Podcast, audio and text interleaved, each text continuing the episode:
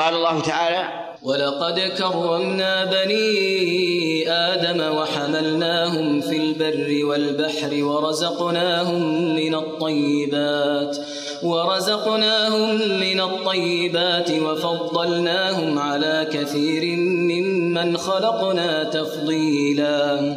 اعرف يا أخي المسلم اعرف قدرك عند الله عز وجل واعلم أن الله تعالى سخر لكم ما في السماوات وما في الأرض جميعا منه.